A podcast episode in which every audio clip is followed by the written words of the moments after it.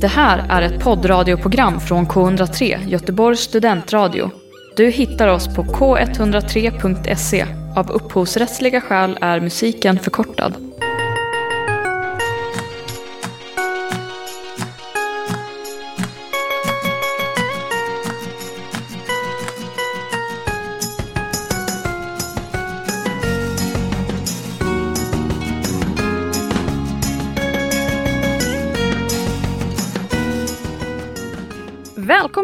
Tagning 103, K103s film och serieprogram.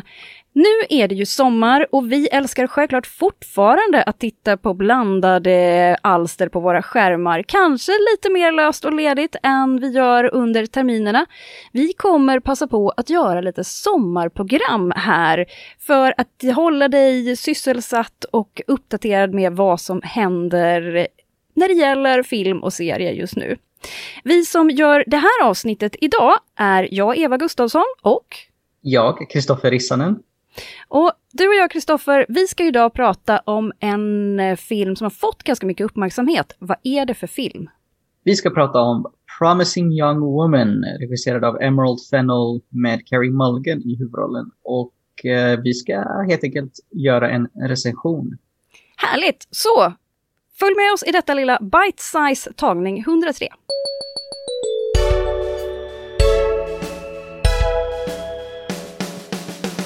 Tagning 103 har som sagt idag eh, fokus för Promising Young Woman och det här är ju en regidebut av den brittiska Emerald Fennell.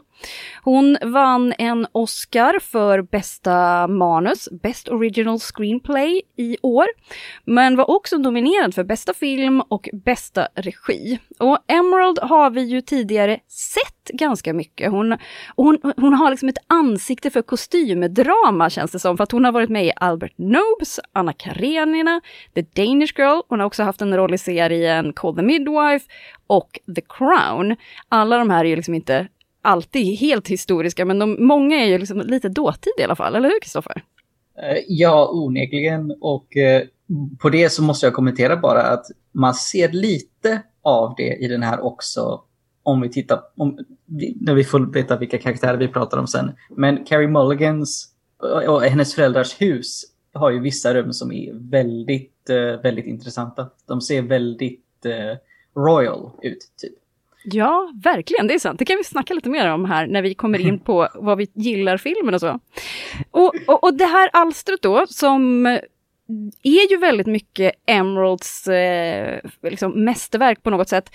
Det har ju hon också producerat själv, men hon har också gjort det tillsammans med flera andra, bland annat eh, skådespelerskan Margot Robbie som har varit med bakom det här.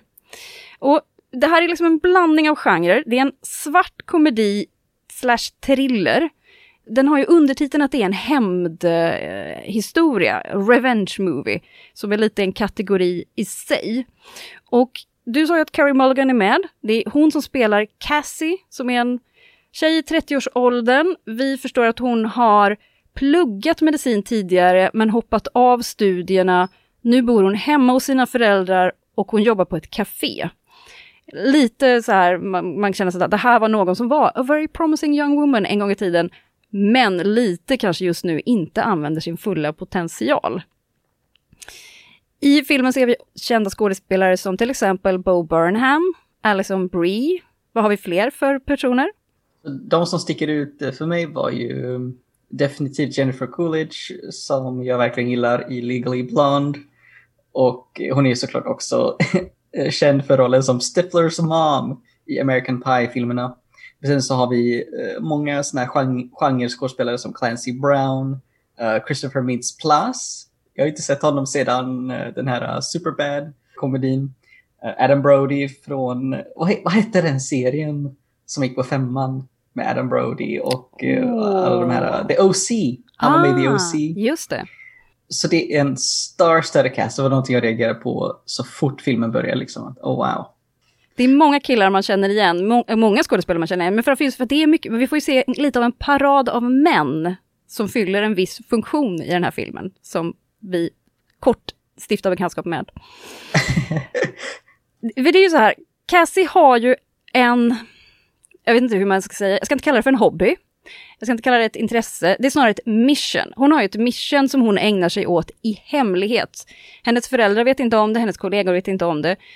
Och hon går regelbundet, känslan är att det är väldigt ofta, men det är svårt att säga. Regelbundet går hon på krogen, låtsas vara riktigt jävla full. Alltså sådär att man är redlös och inte riktigt kan ta hand om sig. Att man sitter i ett hörn och är en spillra och ser väldigt risig ut och väldigt, väldigt full ut. Och blir då upplockad av män som vill vara lite hjälpsamma. Sådär, ja men hur är det med dig lilla vän? Behöver du lite hjälp?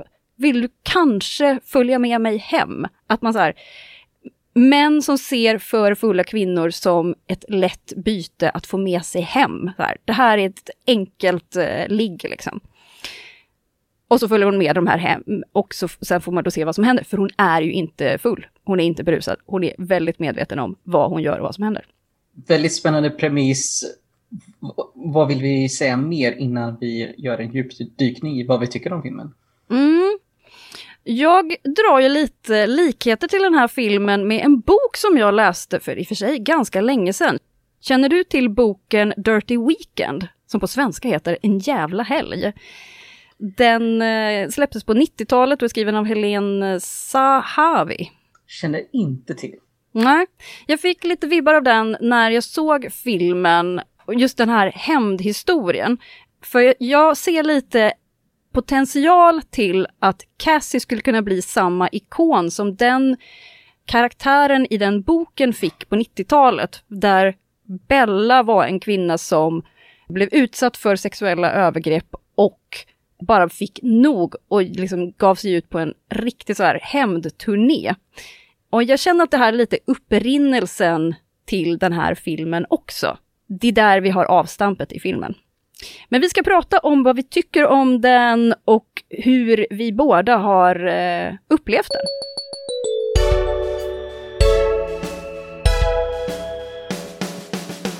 Och vi pratar alltså om filmen A Promising Young Woman med Carey Mulligan i huvudrollen. Och jag vill berätta lite om vad det här är för film. Nu tänkte vi att vi går in på vad vi faktiskt tycker om den här filmen. Och eh, jag kan väl börja med att säga att under tiden som jag tittade på filmen så kände jag att den, ja, det, här, det här är riktigt nice, det här är bra, yeah, I like this. Men sen efteråt, när jag liksom fick lite tid att tänka på den, så har jag blivit mer ambivalent. Och vi kan gå in på just varför mm. uh, om en liten stund. Men för det första så vill jag bara säga rent positivt, så är det väldigt snyggt fotograferat. Uh, det fanns många liksom scener som jag kände, wow, jag måste stanna upp och bara kolla på hur de har lagt upp den här ramen liksom. Eh, och eh, sen är det också värt att nämna att Carrie Mulligan, hon har ju fått eh, mycket eloge för sin insats i den här filmen som huvudrollen och det stämmer jag överens med. Hon är väldigt bra. Den är ju lite som en färgglad godispåse för den är så otroligt mycket starka färger och interiörer. Du, vi, du pratade tidigare om deras hem, hennes familjs hem. Att de lever i någonting som ser ut som eh, guld och rokoko, fast i en vanlig villa någonstans i USA. Liksom. Det är något rum som är helt rosa. Kommer du ihåg det? Mm. Uh, det ser ut som någonting från någon slags Royal Suite på ett slott eller något. Alltså, och, och, de säger någonting om att Jennifer Coolidge, uh, hennes karaktär som är, spelar mamma till eh, Carrie Mulligan, uh, Cassie, det är hon som har liksom designat huset. Eller det, det är hon som har haft ansvar för det. Men här, okay, här kommer ett av mina problem med filmen. Det är det enda vi får riktigt veta om Jennifer Coolidge-karaktären. Och hennes skådespelarinsats är understated, säger det inte ens nog. Att det är som att hon, hon knappt märks av i filmen. Och vanligtvis, jag vet inte om du har sett Legally Blonde, men hon är ju en mycket väldigt bubblig och charmig och rolig och, och härlig liksom eh, skådespelare i många av rollerna som hon har varit med i. I den här så är det som att hon inte får göra någonting förutom att vara typ upprörd över att hennes dotter inte verkar ha något liv. Liksom. Mm. Vad, vad, säger du om det? Ja, men jag kan hålla med om det, att det faktiskt är eh, inte den största utvecklingen av alla personer i filmen. Det är några som, eh, som har mer av en resa och som man börjar förstå lite mer. Eh, men jag hade nästan velat ha ännu mer utveckling även på Cassie. Eh, alltså man förstår mm. vad som driver henne, man får ju liksom en pusselbit i taget, vad är, så här, vad är det som har hänt? Vad är det som gör att hon gör de här handlingarna? Och eh, hon verkar liksom ha en väldigt så tydlig agenda. Eh, men lite mer om hur hon resonerar hade varit bra att få med. Och, för det är ändå ganska många personer runt omkring som återkommer, som föräldrarna. Hon börjar ju träffa en kille som spelas av Bo Burnham Ryan, som är en gammal bekant. Hon liksom stöter på honom, han är en gammal studiekamrat från läkartiden, när hon pluggade. Och det blir också lite upprinnelse till vad, vart filmen sen tar vägen. Honom får man ju liksom lite inblick i så här, vad han är för typ av person och hur han, så här, hur han utvecklas. Men det hade varit mer intressant att få liksom ett starkare på alla andra runt omkring också, så att de inte blir eh, kulisser. Liksom. Ja, vi får ju se en annan aspekt av Cassie när hon till slut warms up to att vara med en kille, liksom, att, att vara med den här Bo. Uh, det finns andra aspekter som dyker upp uh, i, i den interaktionen. Mm. Men samtidigt så mitt problem med den här relationen i filmen är att helt plötsligt så blir det en romcom. Vi snackade lite om genre förut den här filmen blandar ju oerhört många olika slags genrer tycker jag. Det, det är dels en, en, en, thriller som du sa, en svart komedi som du sa, men sen så finns det aspekter av en romcom samtidigt som det här ska vara lite grann som en B-film om hämnd. Om ja, fast hämnd, tycker du att det är en romcom verkligen? För jag, jag ser det verkligen inte så. Uh, och jag tror aldrig att jag helt tänker uh, att det är det som är syftet, utan det snarare ska spegla och berätta liksom uh, Ryans historia, att, mer, det är därför det finns med. Och kanske också lite att det utvecklar henne så här, vilka människor litar hon på, vilka litar hon inte på? Men äv, även i en uh, kallblodig hämndare finns det liksom också känslor och så. så jag, jag ser det liksom inte som att det blir en komedi på det sättet. Även om de jobbar mm. ju mycket med det komiska i att, att belysa problem från ett sätt så att det blir det blir lite roligt, det blir lite charmigt och försöker också vara ganska smart i hur det presenterar olika problem. Men att det är med hjälp av komedin som man sen förstår det riktiga allvaret i det. Att man faktiskt förstår problemen som hon försöker belysa. Okej, okay, om vi säger så här, det här är en film som vill kommentera något socialt fenomen och som vill typ säga, den har, den har ett budskap, den vill säga någonting. Men mitt problem är att om man tar den aspekten och sen allt annat som filmen gör så känner jag att den är lite taffat, den är lite tunn. Den dras åt för många olika håll för att vara effektiv på något av de här liksom, genrerna, om man ska säga. Föreställ dig om Quentin Tarantino hade gjort den här filmen. Det var Tarantino som jag tänkte på mycket under tiden som jag kollade på den här. Kill Bill är ett av mina absolut favoritfilmer någonsin och då handlar det verkligen om en a roaring rampage of revenge. Vilket jag trodde att den här filmen skulle till slut leda till. Hon pressas och pressas och pressas och till slut så brister det bara och hon måste bara göra eh, som i en B-film, som i en schlocky liksom, actionfilm eller whatever. Hon ska, det ska bli ond, bråd, död liksom. Och jag ville ju nästan att det skulle leda till det, men vad händer istället? Uh, det blir liksom nothing of one side or the other. Typ. Det blir för lite Oj. av allt. Ja, det, det, tycker nog inte jag. För, för, den här filmen känns ju som en i, i vallvågorna av metoo så handlar det också ganska mycket om att få personer att förstå vad som är rätt och fel. Inte bara, för det, det är ju hela det här aspekten av så här, när det gäller eh, övergrepp på personer, det kan ju vara någonting som har gjorts i berått mod. Eller att man har gjort det för att, ja men det har ju alltid varit okej förut, varför är det inte okej längre? Men kan också mm. vara i eh, spektrat av, men vadå är det här inte okej? Eller jag trodde det här var okej. Alltså att man inte förstår att man gör fel. Man gör ändå fel, men man fattar inte det, för man har liksom inte fått med sig hela den ja, men paletten av vad som är rätt och fel. Och här tror jag att man försöker belysa så här, det här sker, det här sker regelbundet. Och folk tänker inte på det, för det sker regelbundet. Men hur ska vi få de här männen som gör fel att förstå att det de gör är riktigt vidrigt? Liksom? Eh, jag har märkt att en del har jämfört den här filmen lite med Fatal Attraction. Den gamla, är det 80-90-talsfilm med Glenn Close. Ah, ja, ah, just det. Den handlar ju om en man som har en affär med en kvinna, and that turns ugly.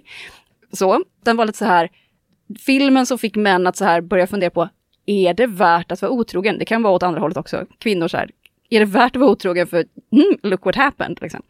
Eh, och det här är väl också lite då att det ska försöka vara en ögonöppnare och det är väl lite det som är hennes mission. Hon är ju ute på att missionera liksom.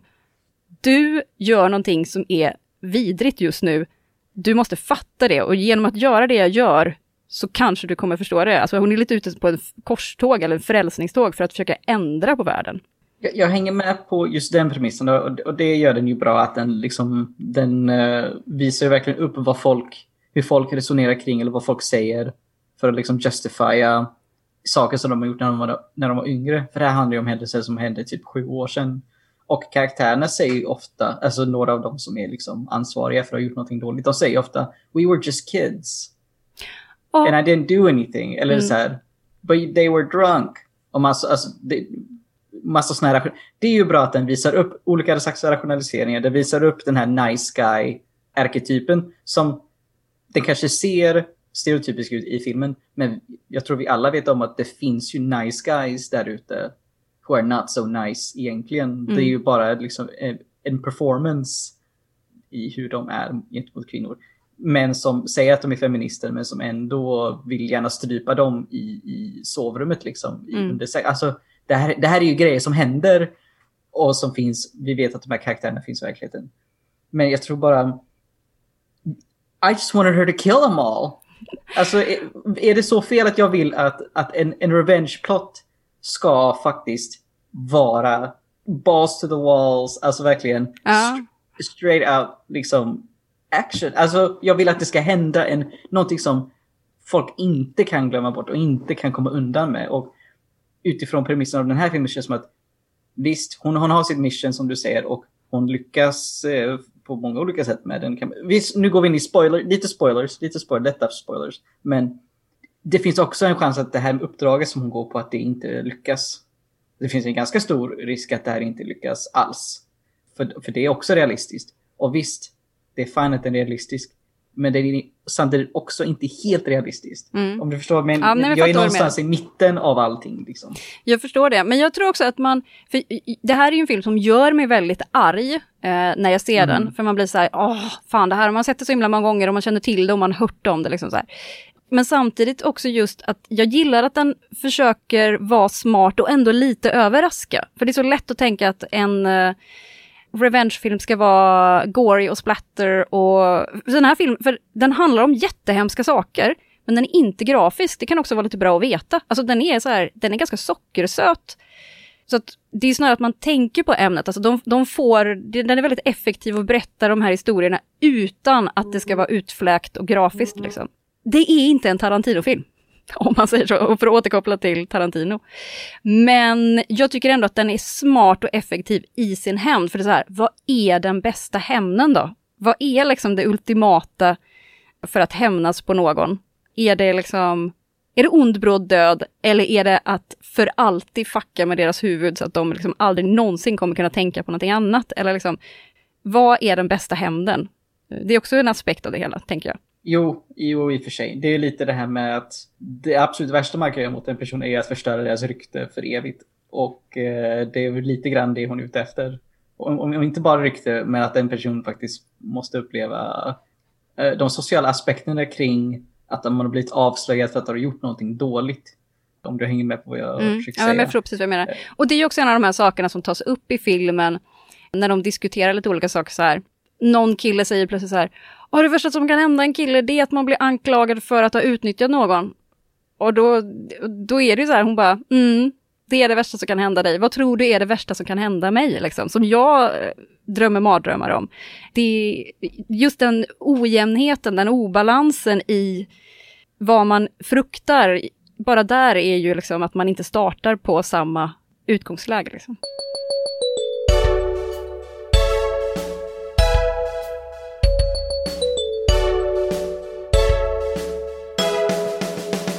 Kan vi kommentera på Bo Burnham uh, lite grann i hans roll i, som Ryan? Uh, the love interest för Carrie Mulligans karaktär. han är ju en eh, känd komiker och skådespelare verkar det som. Uh, han var bra. En grej som vi säger om just hans karaktär är ju vad, vi pratade om det här med att karaktärerna kan vara lite tunna. Och vi får inte riktigt veta så mycket om dem. Min känsla är i efterhand att ja, han, visst han var charmig och rolig uh, och så. Men vad är han egentligen mer än en a conscientious nice guy? Om du hänger med på vad jag menar. Mm. Alltså vad är han mer än en, en någon slags idealbild för vad en progressiv och så här, socialt medveten och, och bra kille är. Alltså vad, what else is there? Eller räcker det att de här karaktärerna är stereotypa eller tunna? Vad, hur ser du på just uh, Bob Burnhams och jag, jag, tycker ju verkligen att han gestaltar personen som tror att han är en, han som på riktigt tror att han är en uh, schysst kille och som inte förstår att handlingar som han gör är lika skadliga som handlingar andra personer gör. Uh, och att kanske till och med det här att man inte alltid har handlat. Så här, men jag har inte gjort någonting. Nej, exakt, du har inte gjort någonting. Att det kan vara lika illa. Och att man... Uh, ibland kan man liksom så tro att man ska veta lite vilka som är the douches och vilka som är the nice ones. Men det är inte så himla lätt eh, att avgöra när det väl kommer till kritan. Så jag tror att han är verkligen, han är ju där för att vara den snälla killen som, eh, som är så här, är han bara en snäll kille? Är han verkligen det? I alla dagar i veckan liksom. Och jag tycker att han gör rollen väldigt bra och jag menar, han har ju gjort många projekt där man ser att så här, ja men han är ju verkligen en aware kille. Uh, han har ju till exempel regisserat uh, en eh, film som heter The Eighth Grade som handlar om en ung tjej och hennes liksom, sociala ångest och hur det är liksom, att liksom, relatera till killar och så. Och där, den är grym, den tycker jag verkligen att man ska se. Och nyligen så gjorde han ju den här stå upp, eller ja, föreställningen eller jag vet inte, produktionen där han har filmat sig själv, där han sitter instängd, corona-style som heter Inside. Där han också pratar om lite olika saker, om relationer och män och kvinnor och så. Så att han är ju en person som verkligen är på rätt plats, eh, tycker jag, i den här filmen. Att han, han är medveten om vad det handlar om eh, och inte rädd för att spela en person som kanske inte är alltid så jävla trevlig. Liksom. Vad hade du velat ge för betyg till Promising Young Woman? Jag tror att jag skulle vilja ge den en fyra, kanske lite svag. Men jag tror ju också att jag kanske är lite lättköpt i den här. För det är också, den är lite förenklande. Alltså den är ju en, den är ju gjord som en uh, humoristisk pärla som ska vara smart och med lite glossy och sådär. Och det, självklart appellerar den till mig. Så att egentligen så, ja jag säger att det, det är en svag fyra från mitt håll. Okej. Okay för min del, okej okay, nu har jag kanske låtit så här as-negativ eller så här, inte tycker om den här. Och grejen är den att jag gillade den under tiden som jag såg på den. Och sen när jag väl liksom fick tid att fundera på den mer så blev jag mer och mer kritisk. Och för någonstans för mig så är det så här, den vill vara många olika saker, men den når inte hela vägen dit på de här sakerna för att fullfölja uppdraget så att säga, eh, som filmen verkar vara ute efter. Och visst, det är ju bra att den eh, eh sätter ett shining light på massa olika slags sociala fenomen och eh, ehm, attityder som man känner igen när man ser på den. Och man vet om att det här, så här, sånt här säger folk i verkligheten. Vi vet att de gör det. De gör såna här handlingar, de, de eh, uh, justifierar dem på de här sätten. Och det är bra att man visar upp det här också från ett kvinnligt perspektiv, eh, tänker jag. Men som en film så har jag lite för många problem med den för att kunna ge den mer än en svag trea. Den är väldigt snygg, det är bra musik, uh, bra regisserat och allt det här. Men själva premissen och, och kanske genomförandet av premissen är där det faller uh, för mig. Mm. Ja, men jag, jag, jag, hänger med på ditt eh, resonemang. Och eh, det är ju inte den här filmen som kommer eh, lösa de här problemen. Så är det ju. Men de belyser det och kanske är det någon som tänker till. Man får väl hoppas det liksom. Jag älskar också Exakt. musiken. Det, jag tycker mm. det är roligt när man sitter och lyssnar på musiken som är ganska vanliga poplåtar som man har hört förut om kärlek och så. Men när man hör dem i den här filmen så känns det som att alla texter får en helt annan betydelse. Då känns de så jävla creepy.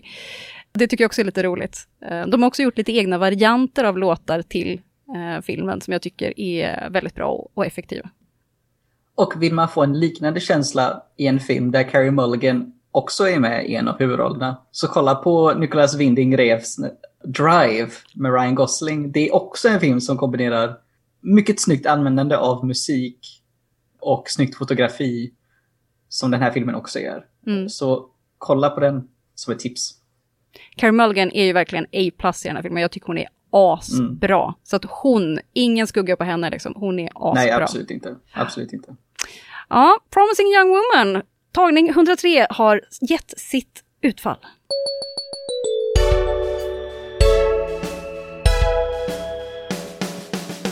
Du har lyssnat på K103s filmprogram tagning 103 med mig, Kristoffer Rissaren. Och mig, Eva Gustafsson. Och i det här avsnittet så har vi ju pratat om filmen Promising Young Woman.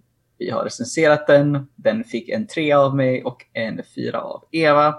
Du kan lyssna på vårt program på fredagar klockan ett med repris på söndagar klockan ett på 103,1 på FM-bandet. Du hittar oss även på Mixcloud och där poddar finns. Vi vill också påminna dig om att följa oss på Instagram under namnet tagning 103. Och så vill vi tacka Noah Gren för vår härliga musik. Och till er som lyssnar, tack så mycket och ha det så bra. Hej då!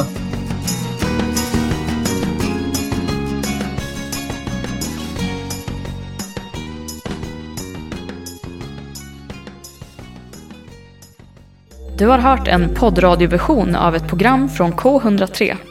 Alla våra program hittar du på k103.se. Följ oss gärna på Facebook eller på Instagram.